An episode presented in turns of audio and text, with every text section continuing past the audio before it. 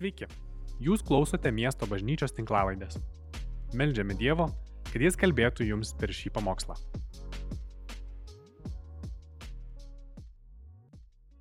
Sveiki, brangieji. Šiandien noriu su jumis pažvelgti Dievo žodžio ištrauką, vieną iš Jėzaus palyginimų, kuris leis mums pažvelgti į save. Iš tiesų, Dievo žodis, na, paštalo Jokūbo žodžiais yra kaip um, veidrodis. Sako, žmogus, kuris skaito žodį ar nežvelgia į jį, pasižiūri, kas jame užrašyta ir nevykdo, yra panašus į žmogų, kuris pasižiūrėjo ir užmiršo, kaip atrodo. Šiaip veidrodžio paskirtis yra pamatyti save, jeigu esame išsitepę, nusivalyti, jeigu reikia susišukuoti, bet jis parodo mums, kas mes esam. Galim pažvelgti į save, jeigu gražiai atrodom, galim pasidžiaugti, jeigu kažką reikia pakoreguoti, mes galim pakoreguoti save. Tai eidami prie Dievo žodžio visuomet turėtume, turėtume eiti su tokia nuolankė širdimi ir nusistatymu, kad Dieve, te tavo žodis parodo, kuo aš turėčiau būti. Jėzus e, kelia mūsų orumą kaip žmonių, kreipdamasis į mus, sakydamas, jog mes esam jo druska pasaulio, jog esam šviesa, jis tikrai labai pakilėja mus. Todėl skaitydami Dievo žodį galime būti ramus, kad šventoji dvasia visada norės mus kilstelti aukščiau, padaryti mus panašesniais į Jėzų Kristų. Ir na, būdas, kaip mes pradedam tą kelionę, dažnai yra tiesiog vienas žingsnelis. Vienas žingsnelis yra toks na, geras posakis, kad mes pasėjame mintį, mes nupjauname žodį. Tai yra, kai mes kažką mastom, tai pavirsta žodžiu, kai mes pradedam kalbėti, tada mes pradedam veikti, kai mes veikiam nuosekliai, darydami tą patį, tai sukuria mumyse naują charakterį, naują būdą na, o būdas jau pavirsta mūsų likimu. Taigi kiekvienas pirmas žingsnelis yra labai svarbus. Ir aš kviečiu jūs būtent su tokia nuostata visada žvelgti Dievo žodį. Noriu taip pat e, pasakyti, kad kai klausotės Dievo žodžio, kai klausotės pamokslų, niekada nežvelkit labai į pamokslininką. Norisi labai pakviesti kiekvieną žvelgti į savo santykių su Dievu. Jis yra mūsų gelbėtojas. Pamokslininkas yra na, toks kaip įrankis, kuris atneša žodį. Bet tam, kad tu subręstum kaip žmogus, kaip tikintysis, tu turi sudėti visas viltis, ne, nei žmonės, nei pamokslininkus, negerėtis ten ar kažkieno iškalba ar išmintimi, ar net jo kelionė to žmogaus su Dievu, bet visų pirma statyti savo gyvenimą ant Dievo, ant Dievo žodžio, turėti asmeninį santykį su Biblija, su, su, su Kristumi per Dievo žodį.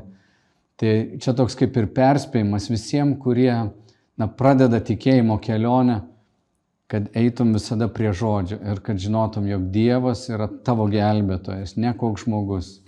Žmonės gali mus palydėti, bet mes jų niekada nesureikšminam tiek, kad jie užimtų Dievo vietą.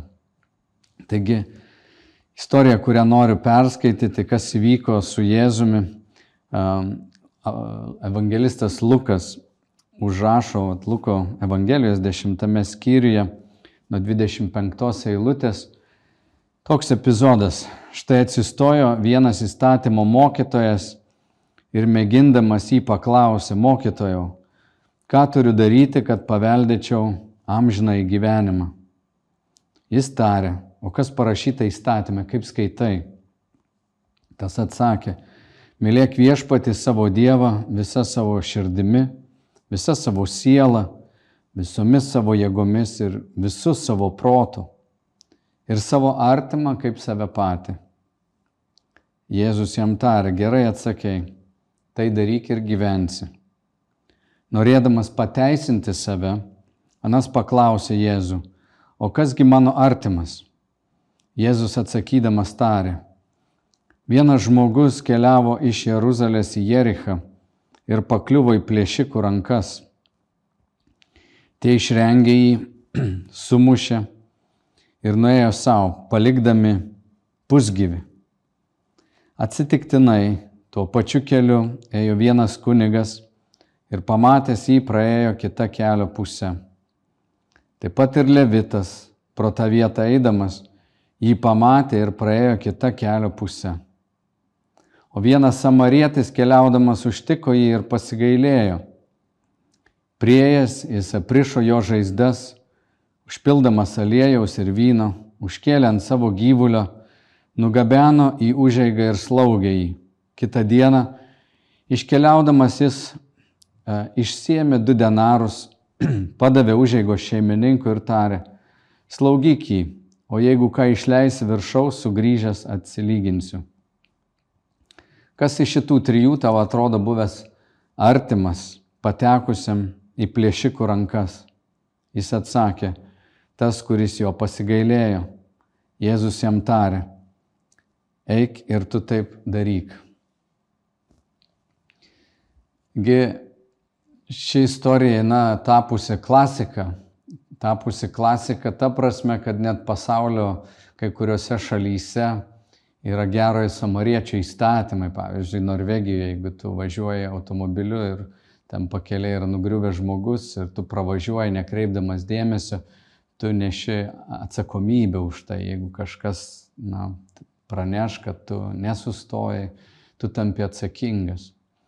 Ir na, ši istorija, jinai turi labai daug detalių. Jėzus buvo nuostabus meistras, pasakodamas istorijas ir tokiu sutrumpintu būdu jis galėjo labai labai daug atskleisti. Žinoma, žydų istorijoje, na, jų supratimas buvo toks, kad mylėti savo artimą reiškia mylėti savo tautietį, žydą. Mylėti pagonį tai būtų labai keista, mes neturim Senajame testamente pranašo Jonos istoriją, kuris atsisako eiti, nešti išgelbėjimo žinę Ninevijos miestui, nes jie yra pagonys, jie yra baisų žmonės, jie a, tikrai yra kita taučiai, žiaurus labai, mm, nuodėmingi, tai pasakytum.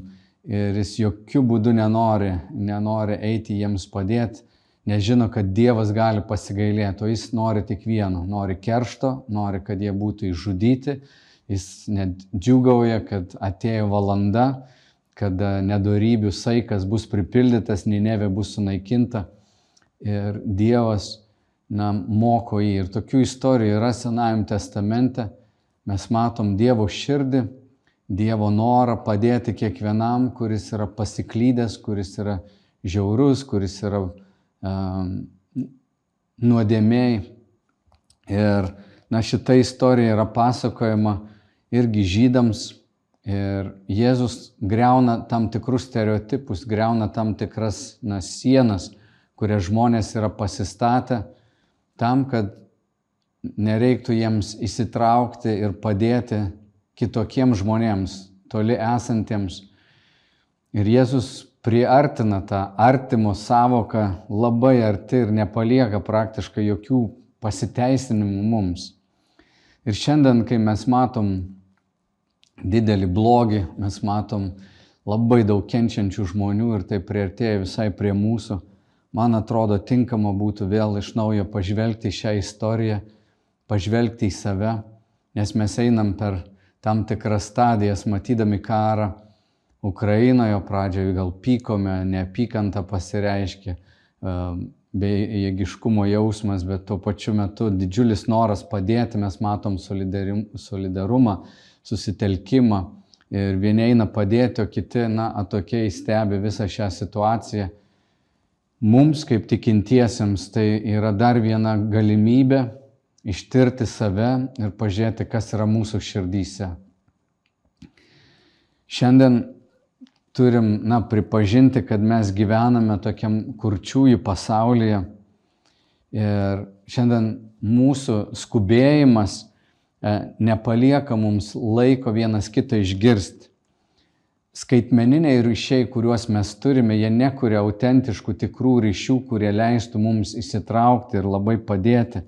statyti tokią atjautos pilną visuomenę. Atvirkščiai, aš matau, kad kiekvienas konfliktas, kiekviena nelaimė, na, yra jau tokiam, suteikia mums galimybę prisidėti, tačiau tuo pačiu metu mes esam patekę į tokius didelius na, socialinius burbulus, kur mes esame ir atskiriami vienas nuo kito. Tai yra tikrai e, didelė pagunda mums būti įkritusiais į tuos burbulus ir nematyti kitos pusės, negirdėti. Ką aš noriu pasakyti, yra labai lengva mums tapti abejingais ir visiškai uždarais, netgi tokiais kaip žydų tautoje kai kurie žmonės, kurie, na, artimą matė tik tą, kuris yra visiškai čia, šalia manęs, toks kaip aš, e, o kitų nematė. Jūs gal pamenat, rudenį aš pamokslavau apie pabėgėlius, tiksliau prieš pat kalėdas mes kalbėjom apie Jėzų kaip migrantą. Rudenį man teko keliauti, susidurti su migrantais Vokietijoje, kurie iš, iš artimųjų rytų atsikėlė į Europą. Žinot, aš tiek daug girdžiu Lietuvoje, kad na, jie yra kitokie, tai yra um, žmonės, kurie keliauja su, su netyrais motyvais ir mums nereikia jiems padėti. Bet ir praeitą savaitę buvau Anglijoje, vėl sutikau iraniečius, iš Jemeno pabėgusių žmonės, kur Jemenė, kur karas jau aštuoni metai vyksta ir ten per du milijonai žmonių yra žuvę. Kai klausais jų istorijų, kai girdi tas istorijas, supranti, kad tai yra tokie pat žmonės kaip ukrainiečiai. Jų istorijos, nu, vos neidentiškos. Tik jie mums atrodo tolimi, jie tamsesnio gymio, jie kažkokie, na, kitokie. Čia šitoje istorijoje mes matom, kad Jėzus, na, labai meistriškai taip pateikia tą artimojo supratimą. Ir, žinot, tai nėra kažkas naujo. Mes pradžios jau knygoje matome a, tą blogį, kuris po Domo ir Jėvos na, nusikaltimo prieš Dievą mirtimi mirė, kažkas jų širdyse įvyko, kaltinimai, pyktis jau buvo jų širdyse. Ir Adomo Jėvo sūnus, Kainas ir Abelis, irgi išgyvena konfliktą. Kainas nužudo Abelį, kuris susilaukė palankumo iš Dievo, o Kainas ne. Ir Dievas ateina pas jį pradžios knygos ketvirtam skyriui, devintoje lūtėje viešpats paklausė Kaino, kur yra tavo brolis Abelis. O jis atsakė, nežinau, argi aš esu savo brolio sargas. Kai Dievas užduoda tokį klausimą, man labai patiko, aš neseniai skaičiau popiežiaus Pranciskaus encikliką Fratelli Tuto arba apie brolybę ir socialinę draugystę Jis sako, kad savo klausimų Dievas užginčia bet kokį determinizmą ar fatalizmą, teigianti, kad abejingumas yra vienintelis įmanomas atsakas. Fatalizmas ir determinizmas tai yra, na, viskas yra nulemta, nuspręsta ir, na, aš nieko negaliu pakeisti, nieko negaliu daryti. Bet kaip tikintieji mes esame įpareigoti veikti. Mano brolis E, tikrai yra mano artimas, aš esu jo sargas, aš nešu atsakomybę, mes esam taip stipriai susiję vienas su kitu, kad negalim to ignoruoti. Šiandien virusas vienoje šalyje paplinta į kitą, mes visi visuomeniai susiję, karas įvyko Ukrainoje dabar ir mūsų visų gyvenimas bus pakeistas, jis yra keičiamas, ekonomika yra taip susijus, mes negalim ignoruoti to fakto, kad esam viena didelė šeima, kurią Dievas apgyvendino čia šitoj planetoje ir mes dalinamės bendrais namais. Mes neturim savo tik tais plotelių, savo žemelės, mes negalim taip gyventi. Todėl šventajame rašte tiek daug nuorodų yra į tai, kad turim rūpintis artimaisiais. Pavyzdžiui, šeimo knygoje sako, neskriaus ateivė, jūs žinote, kaip jaučiasi ateivis, nes buvote ateivė Egipto šalyje apaštalas Jonas trečiame laiške, jisai rašo savo ištikimam broliui ir sako, mielasis, tu ištikimai elgiesi, pagelbėdamas broliams ir atvykusiems iš kitur. Tai yra toli esantiems. Taigi šis samariečio gerojo samariečio istorija, kaip mes tokį uždedam pavadinimą šiai istorijai. E, klausimas yra mums, štai tas veidrodis, Dievo žodžio veidrodis. Su kokiu veikėju tapatinėsi tu?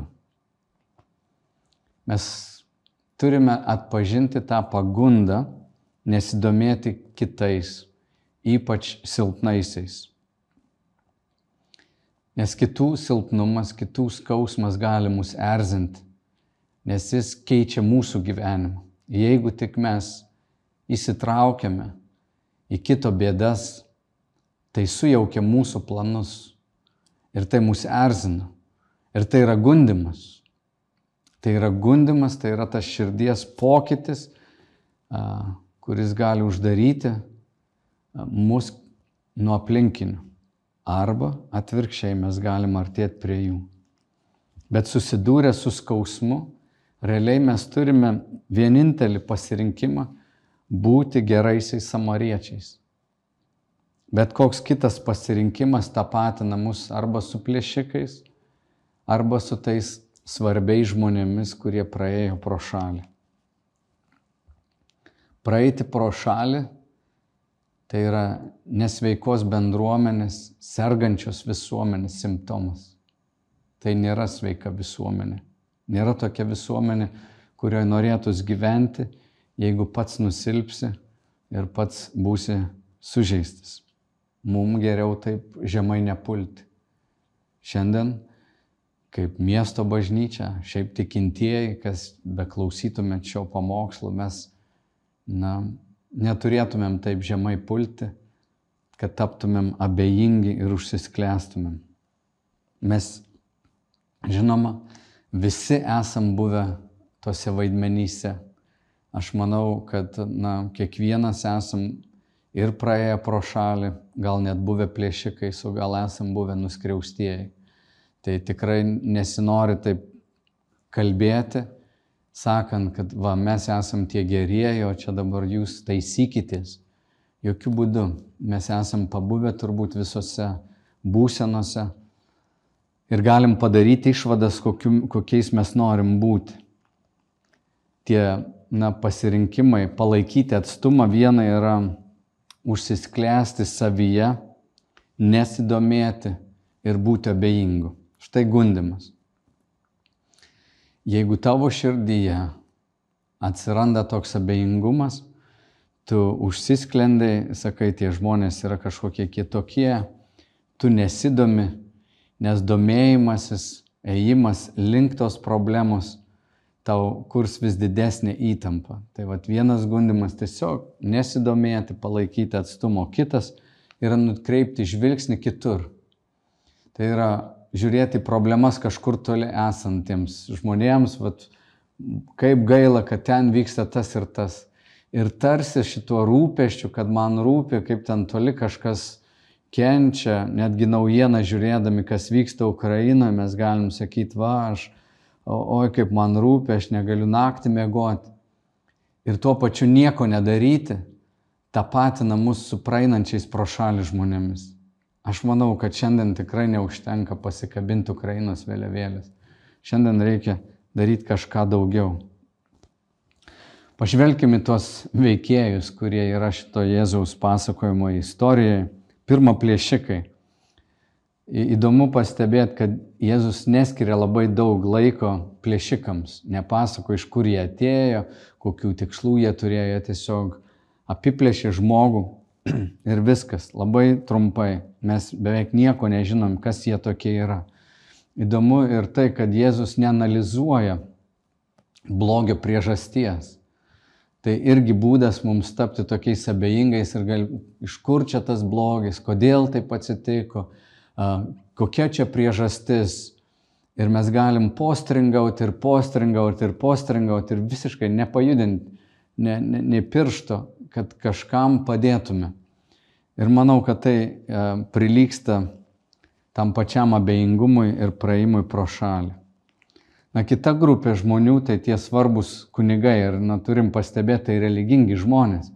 Ir kartais religingi žmonės nėra tokie jau teisūs ir moralūs, jie išpažįsta kažką, tai mums visiems tikintiesiems, na, čia man patinka tas toks Jėzaus bakstelėjimas.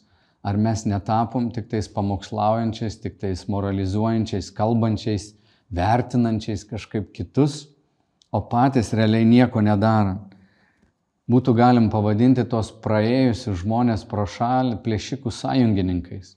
Žinoma, jie neapiplėšė, bet aš nemanau, kad yra tokia vidurinė grandis kažkokia arba neutrali pozicija. Vieni apiplėšė, kiti praėjo, praktiškai tai viena ir tas pats. Ir, na, mums tai yra toks tikras priekaištas ir ypatingai turim atkreipti dėmesį, ar mes nesam tie, kurie praeinam. Jeigu abejingumas neleidžia mums domėtis kitais, mes papuolam į tą pačią kategoriją. Kaip sakiau, vienintelis pasirinkimas mes esam arba tie plėšikai ir visi kiti e, abejingi žmonės, arba mes esam tie samariečiai. Ir aš užsiminiau, kad na, Lietuvoje man tenka girdėti, aš kaip pasakoju apie kokią istoriją, e, apie pabėgėlius, tai na, tos pabėgėlių kategorijos yra skirtingos. Ir, ir, ir, ir žmonės sako, na, va čia toks tik, tikras pabėgėlis, jo tikrai namas buvo subombarduotas, kažkas iš šeimos jo žuvo, tai šitas nusipelnė būti priimtas, o kitas pabėgo iš miesto, kuris dar nesunaikintas ar panašiai arba jis yra kitoks, gal jis yra musulmonas, o gal teroristas, gal jisai šiaip ekonominis migrantas ir kodėl jie turėtų mūsų gerbuvių čia naudotis ir panašiai. Mes galim rasti savo pateisinimų visokių, bet tai paverčia mus būtent tais religingai svarbiais asmenimis, kurie praėjo pro šalį. Koks skirtumas, kaip tu pavadinsi juos, Jeigu nieko nedarai, ar tu skiries, ką, ką, ką, mąstė, ką mąstė šitas kunigas ar levitas, kurie praėjo pro šalį. Manau, labai lengvai galėjo pamanyti, na, žmogus turbūt gal to nusipelnė, gal jis pats yra vagis, už ką muštų, nu, gerą žmogų ir panašiai. Na, tokie pamastymai, e, gal mes esam labai mandagus, niekada to nepasakytum viešai, bet aš tą girdžiu, tą matau ir mums kaip na, Dievo vaikams tikrai, manau, netinka šitie pasiteisinimai. O samarietis, na, jis atėjo, pasidomėjo, priejo, patepė aliejumi, pakeitė savo planus, aptvarstė nuvedė į užeigą ir slaugė. Jis nereikalavo savo jokio pripažinimo, nesireklamavo, tai darė tiesiog tyliai. Ir dar kitas dalykas, jis nedarė to vienas. Jis um, susirado užeigos savininką, paprašė, kad jisai pasirūpintų. Sako, aš tau atlyginsiu. Ir kartais, kai mes norim padėti, mus gali na, apimti toks ir beigiškumo jausmas. Kaip dabar mes renkam, tarkim, tą humanitarinę tokią pagalbą, visokius šampūnus ar tenais uh, uh, anklodės ir panašiai. Kartais galvoju, nu ką tas vienas buteliukas šampūno padės. Čia lašas jūroje. Ką man, na, gal kiti suneš. Dabar važiuoti čia gal net neapsimoka. Gal ir panašiai. Ir kartais mes galvom, na aš vienas nieko negaliu čia labai daug padaryti. Bet samarietis jis pasitelkė ir kito pagalbą. Jis nebuvo tik tais vienas. Ir mes kaip bendruomenė galim mąstyti, palauk, aš negaliu padėti, bet gal kitas gali padėti. E, į mus kreipiasi na, su pagalba padėti dabar 77 žmonėm Ukrainai, kurie e, turi negalę. Ir aš galvoju, palauk, mes tikrai, atrodo, negalėtumėm pasirūpinti tokia didelė grupė, kurios negalim net išskaidyti. Pasidalinau su keletu pažįstamų ir vienas man parašė šį rytą, sako, aš gal galiu padėti, gal galiu rasti būdą, o tiem žmonėm padėti. Aš negaliu jiems padėti, bet galbūt tai mano indėlis per kontaktus pasidalinti su kitu, kuris padės ir ta grandinė gali tęstis. Tai irgi yra mums pamoka pažvelgti į situaciją ir pasakyti, palauk, aš, aš gal negaliu padėti, bet gal kitas gali padėti.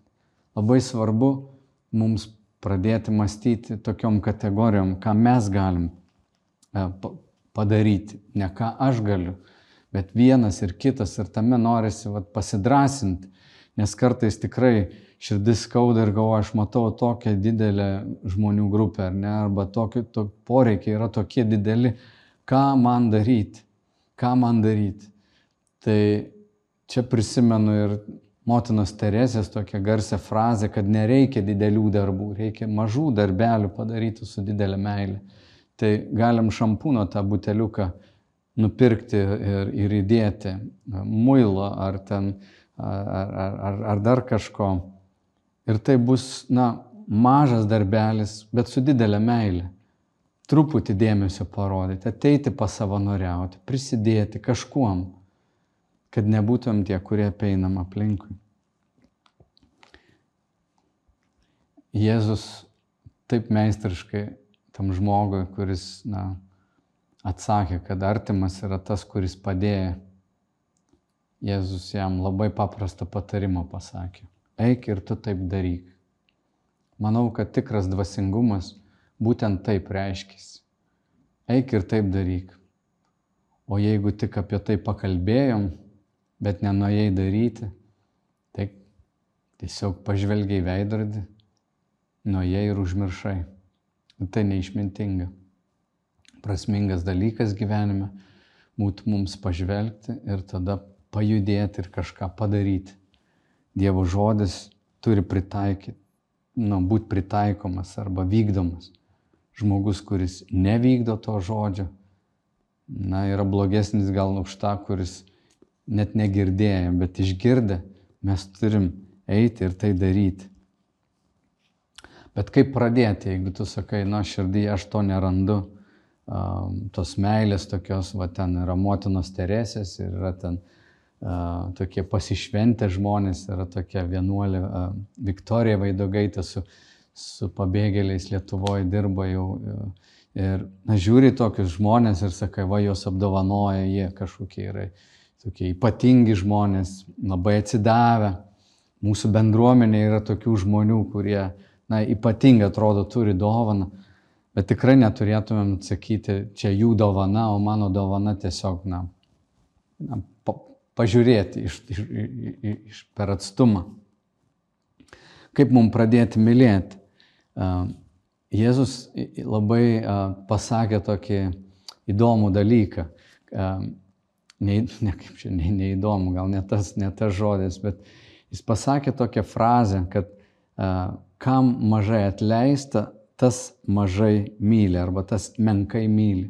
Situacija buvo tokia, kai Jėzus atėjo pas fariziejų, tai fariziejus jam nei kojų nenuplovė, nei, nei ten, uh, žodžiu, nepriemė jo labai ypatingai, o moteris, kuri buvo mieste žinoma paleistuvė, nuplovė ašaromis jo kojas, nusižemino. Ir Jėzus sako, vad kam daug atleista, tas daug ir myli. Ir mes turim suprasti, kiek daug mums yra atleista. Mes buvome mirę savo nusikaltimais, mums priklausė amžina mirtis ir atskirimas nuo Dievo. Iš tikrųjų, teisingumas turėjo praeiti pro šalį. Tokie, kokie mes buvom, Dievo teisingumas turėjo praeiti pro šalį, turėjo pasmerkti, bet jo gailestingumas, malonė ištraukė mus. Ir tai yra na, didžioji mūsų meditacija, apmąstymas, mąstyti, kas įvyko ant kryžiaus. Kartais mes nesuvokiam savo nuodėmių gausos. Kartais per, dėl, dėl savo puikybės mes um, galim galvoti, kad nesam tokie blogi žmonės. Aš tikrai galvoju, krikščionis gali labai dažnai pasijusti aukštesni, morališkai kažkokie pažangesni už visus netikinčių žmonės, teisti įvairiausius nusikaltelius, nemoralius žmonės ir mes iš tokio aukšto bokšto galim kalbėti. Žinote, vieną dalyką padarys, mes labai menkai mylėsim, nes mes nebematom savo nuodėmis. Žmogus, kuris nelieja ašarų, neverkia, net gailauja ir nesuvokia savo nuodėmingumo ir koks yra menkas, yra labai mažai padaręs dvasinės pažangos. Nesvarbu, kaip gražiai jis bekalbėtų, kokiais stebuklais besigirtų, žygdarbiais ir visa kita. Vienas iš didžiųjų tokio dvasinio, um, pa, dvasinės pažangos na, ženklų yra mūsų sugrūdusi dvasia, tokia sudužusi širdis, suvokimas, kad aš esu, na, e, nusidėjėlis. Aš nesu nieko ypatingas, lyginant su kitais žmonėmis, tiesiog manęs Dievas pasigailėjo, taip jis sukūrė mane kaip gražų savo kūrinį, įdėjo savo atvaizdą į mane, aš atspindžiu Dievo, dievo būti bet tuo pačiu metu esu labai sužeistas, pilnas savo naudiškumo. Ir kuo daugiau aš apmastau, kad Jėzui reikėjo mirti ant kryžiaus, iškesti tokias baises kančias, tuo lengviau man tada nusižeminti ir pasakyti, pala, Dieve, aš esu tau skolingas. Jeigu širdyje atsiranda toks jausmas, kad aš esu kažko nusipelnęs, pavyzdžiui, aš jaučiuosi, kad su manim turi elgtis labai pagarbiai, mane, mane turi, na, man turi padėkoti. Čia jau susireikšminimo, puikybės, tokia ego išraiškos. Man reikia, na, kitų palaikymo, man reikia kitų prieimimo ir jaučiuosi, kad aš to esu nusipelnęs. Tai mano meilė tuo tampa menkesnė. Vis didesnis žvilgsnis į save, į savo poreikius, į tai, kur aš esu nuskriaustas neįgalina manęs labiau tarnauti ir veikti kitiems, kažką padedant. Bet mano sutelkimas, na, dėmesio į tai, kad Dieve, tu man daug dovanojai, tu man daug atleidai, štai aš ir tai ir tai gavau iš tavęs, tas dėkingumas sukuria dosnumą širdyje, kad aš galiu eiti ir dovanoti daugiau. Ir kam daug atleista, mums visiems daug atleista. Tikrai nesakyk, na, aš nepaleistu, aš nemėgojau su 120 žmonių, arba ten aš ne, nedirbau tokio baisaus darbo, kur reikėjo tenais kyšiais e, viską užkišti ir panašiai. Neapsigauk šitoje vietoje, jeigu tavo nuodėmės, mano nuodėmės skaičiuotum, tas sąrašas ilgas. Ir nėra labai didelio skirtumo, ar tavo sąrašas vat, yra tenais 17 metrų, kito 19 metrų, gal 25, vis tiek Dievo akivaizdu tai yra ilgas, ilgas sąrašas, kas mums buvo atleista. Ir net jeigu kai kurios mūsų nuodėmis nėra matomos žmonėms ir jie toliau mus ten gerbė, bet Dievo akivaizdu, na, mes esam permatomi. Tai man tai padeda kažkaip taip nusileisti ant žemės ir pasakyti savo, man, man daug atleista. Ir aš kaip tada pasižiūriu, kiek man daug dovanota, tikrai neberandu priežasčių, kodėl aš galėčiau sulaikyti savo finansus ar savo laiką, dovanojant kitiems. Ir manau, kad tai yra būdas, kaip mes turim judėti. Ir noriu užbaigti šitą mintim. Tam, kad pradėtume kurti naują įprotį, kad būtume tie, kurie keičiamės, grįšiu prie to, ką sakiau šio pamokslo pradžioj, mums reikia tiesiog padaryti vieną žingsnį. Kai tu dedi vieną žingsnį kažkuria tai kryptimi, tu pradedi kurti pagreitį, tu, tu atsiranda inercija ir tu kuri naują veiksmą, kuris keis tavo būdą. Kiekvienas žingsnelis veda link antro, trečio, ketvirto. Ir tau nereikia mąstyti apie ilgą kelionę, tau nereikia mąstyti, kaip tau surinkti 10 tūkstančių eurų paramos kažkam ar ten atiduoti viso savo laiko. Padaryk truputį. Nes kita alternatyva, kitas pasirinkimas yra nedėti to pirmo žingsnio ir supras, kad nedėjimas to žingsnio yra dėjimas žingsnį į kitą pusę. Vietoj to, kad auktum dosnume, tu augi godume. Nėra neutralios pozicijos aš sakau, jeigu nėra progreso, yra regresas, nieks nestovi vietoje. Negyvi daiktai stovi vietoje. Mes visi, kurie esam gyvi, mes arba augame kažkame, arba nykstame, silpstame, e, sudžiūstame. O, o va čia tas pasirinkimas, kad darydamas kažką, prisidėdamas, parodydamas atjautą, aš augu, O jeigu to nedarau, aš kuriu kitą įprotį - godumo, pasiteisinimo, abejingumo ir tampu plėšikų sąjungininkų.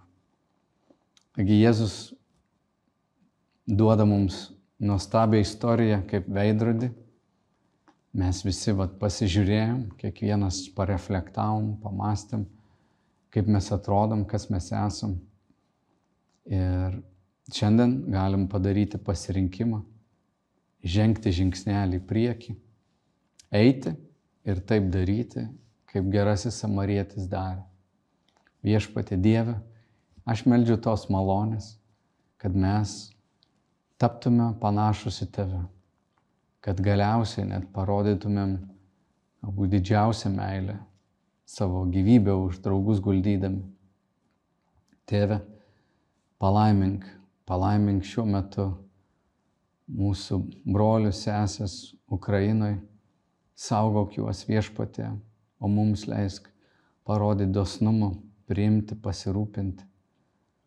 Suteik mums viešpatė malonę atsižadėti abejingumo, atmesti visus pateisinimus ir žengti vieną žingsnelį arčiau dosnumo pagalbos, tikros brolystės ir tikros tokios socialinės draugystės. Mes prašom Kristau, suteik mums jėgų, padėk mums suvokti ir savo uh, nuodėmingumą ir kiek daug mums atleista kad nesijaustum, jog esam kažko nusipelnę, visą esam gavę dovanai. Tėve, dėkojam už malonės, už dovanas, tarnauti tau, pašventink mus ir mūsų darbus. Amen. Ačiū, kad klausėte. Daugiau informacijos rasite mūsų svetainėje miestobažnyčia.lt arba Facebook, Instagram ir YouTube paskiruose.